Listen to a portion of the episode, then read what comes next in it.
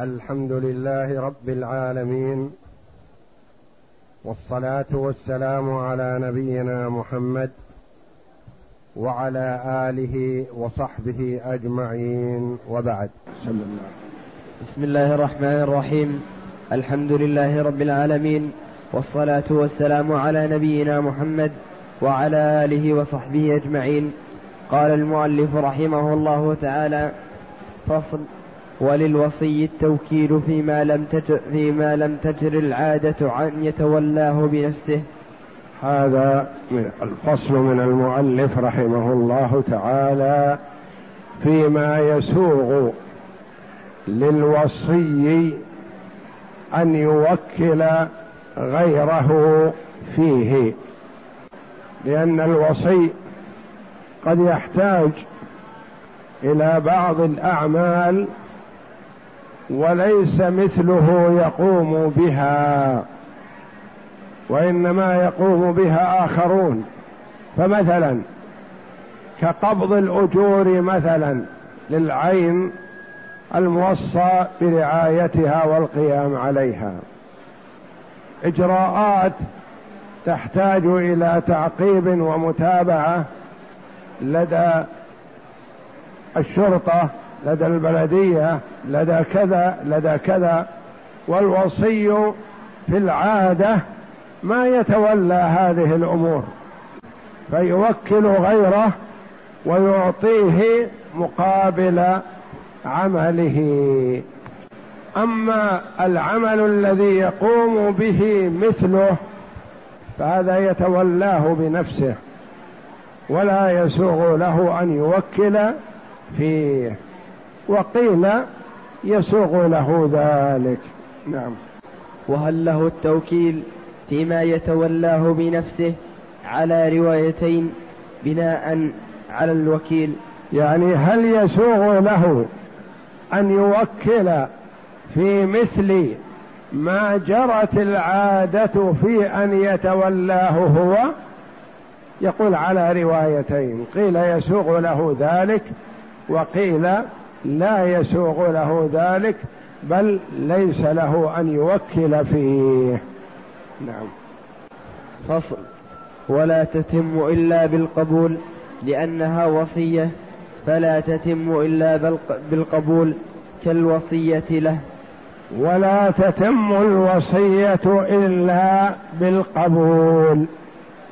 فمثلا رجل قال وصي على أولادي الصغار وصي على تفريق ثلثي وصي على تزويج بناتي وصي على كذا. فهل تلزم بمجرد قول الموصي؟ لا. فلا تتم إلا بقبول الموصى إليه. هل قبل أو لا؟ يقول مثلا وصي على أولادي الصغار فلان في المدينة. نقول أصبح وصي؟ هكذا لا نسأله. هل تتمكن؟ هل ستقوم بالوصية هذه؟ يقول لا ما أستطيع لأن أولاده في مكة وأنا في المدينة. فكيف رعى شؤونهم وتولى أمورهم؟ لا لا ما أقبل. فهل تلزمه الوصية قبول الوصية؟ لا. وهل تكون موصى يكون موصى إليه بهذا؟ لا. حتى يتم قبول الموصى له قيل له مثلا إن فلان وصى لك بأن تتولى تزويج بناته. قال نعم لا بأس. أقبل هذا وإن شاء الله أختار لهن الرجال الأخيار. أو قال ما أتمكن من هذا لأني أخشى الا أتمكن من اختيار الأزواج فأسيء إليهن بتزويجهن غير الكفء لا ما أقبل الوصية. فيسوق له ذلك. ما تتم الوصية إلا بالقبول. نعم. ويجوز ويجوز قبولها وردها في حياة الموصي لأنه إذن في التصرف فجاز قبوله عقيب عقب الإذن كالوكالة. ويجوز قبولها وردها في حياة الموصي. الموصي استدعى أخاه. أو ابنه أو جاره أو خال أولاده. قال أريد أن أجعل أن أجعلك وصيا على أولادي مثلا. فمتى يكون القبول؟ الآن أم بعد الوفاة؟ يجوز. الآن ويجوز بعد الوفاة. يجوز أن يقبلها. يقول نعم لا بأس. لأن الرجل يقول أحب أن أعرف الوصي الذي أوصيه له هل يقبل أو لا يقبل. فإن لم يقبل بحثت عن وصي غيره. وإن قبل فالحمد لله. فقبل في الحياة أصبح وصي. ما قبل ما أصبح وصي ويلزم أن يبحث عن وصي آخر. ويجوز قبولها وردها في حياة الموصي لأن الموصى له ما يعتبر القبول إلا بعد الوفاة لأنه يكون يستحق هذه الوصية. الموصى له الذي وصي له بشيء من المال مثلا وصي له بشيء من المال فقبل في الحياة. بعد الممات بدا له ألا يقبل قال لا ما أقبل. ولأنه قد يرجع الموصي قبل الممات في الوصية. فالموصى له بشيء من المال يعتبر قبوله بعد الوفاة. أما الموصى له بالتصرف فيصح تصرفه في حال قبول الوصية في حال الحياة وبعد الممات كذلك. نعم. ويجوز تأخير قبولها إلى ما بعد الموت لأنه نوع نوع وصية فصح قبولها بعد الموت كالوصية له. ويصح تأجيل القبول. يقول مثلا يقال له فلان يريد أن يوصي لك بكذا بأن تتولى رعاية أولاده الصغار. قال الآن ما أقدر أقبل ولكن دعوها حتى يأتي وقتها. إذا جاء وقت الوصية ورأيت أني على استعداد قبلت وإلا فلا أقبل. فيجوز هذا. يقول مثلا ما أدري يمكن يموت ويكون خلفه من الأولاد القصار عشرة. فأنا ما أستطيع ما أتمكن بالقيام على القيام بعشرة. فإن كان قصاره واحد أو اثنان أو ثلاثة مثلا فأنا قبلت لكن عشرة ما أستطيع أقوم عليهم. فيجوز التأخير القبول إلى ما بعد الممات. نعم. فصل. وللموصي عزل, عزل الوصي متى شاء. وللوصي عزل نفسه متى شاء. في حياة الموصي وبعد موته. لأنه إذن في التصرف. فملك كل واحد منهما فسخه. كالوكالة. وللموصي عزل الوصي متى شاء. الموصي كتب وصيته قال يتولى تزويج بناتي بعد ممات فلان.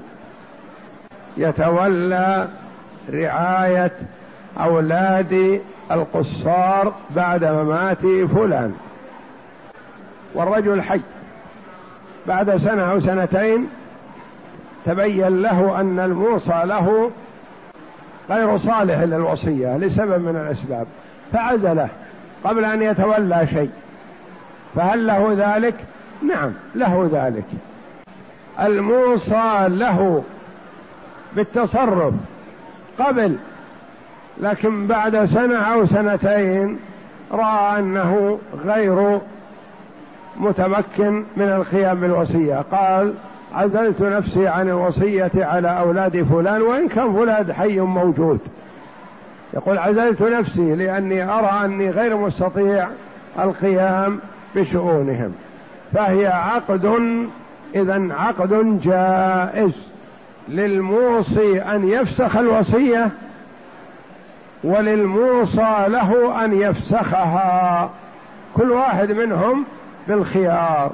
إلا في حالة هل للموصى له فسخ الوصية بعد الممات وقد قبلها في حال الحياة؟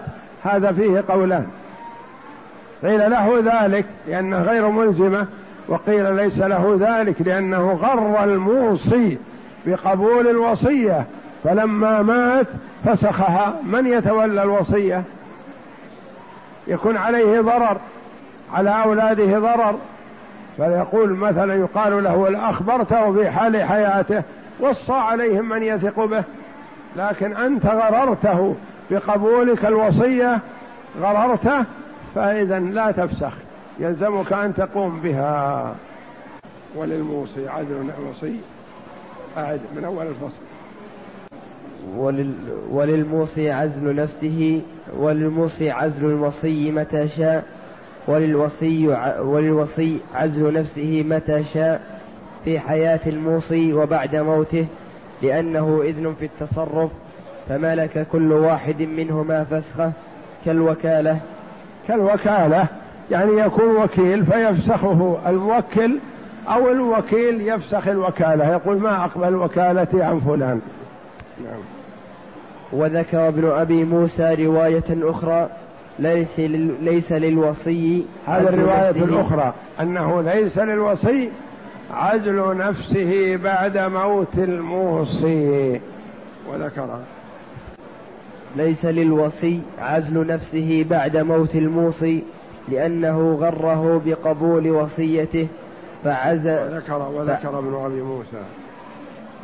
وذ وذكر ابن أبي موسى رواية أخرى ليس للوصي عزل نفسه بعد موت الموصي لأنه غره بقبول وصيته فعزل نفسه إضرار به والضرر, والضرر مدفوع شرعا.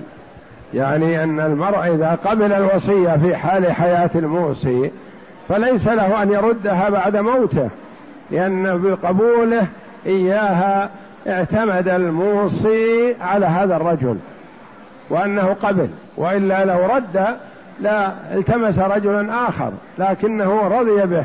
ثم بعد موته يعزل نفسه نقول لا يا أخي أنت التزمت للرجل وفي عزلك نفسك ضرر عليه وعلى ولده والضرر مدفوع. فالتزم بالوصية ويعينك الله. والله أعلم. وصلى الله وسلم وبارك على عبده ورسول نبينا محمد وعلى آله وصحبه أجمعين.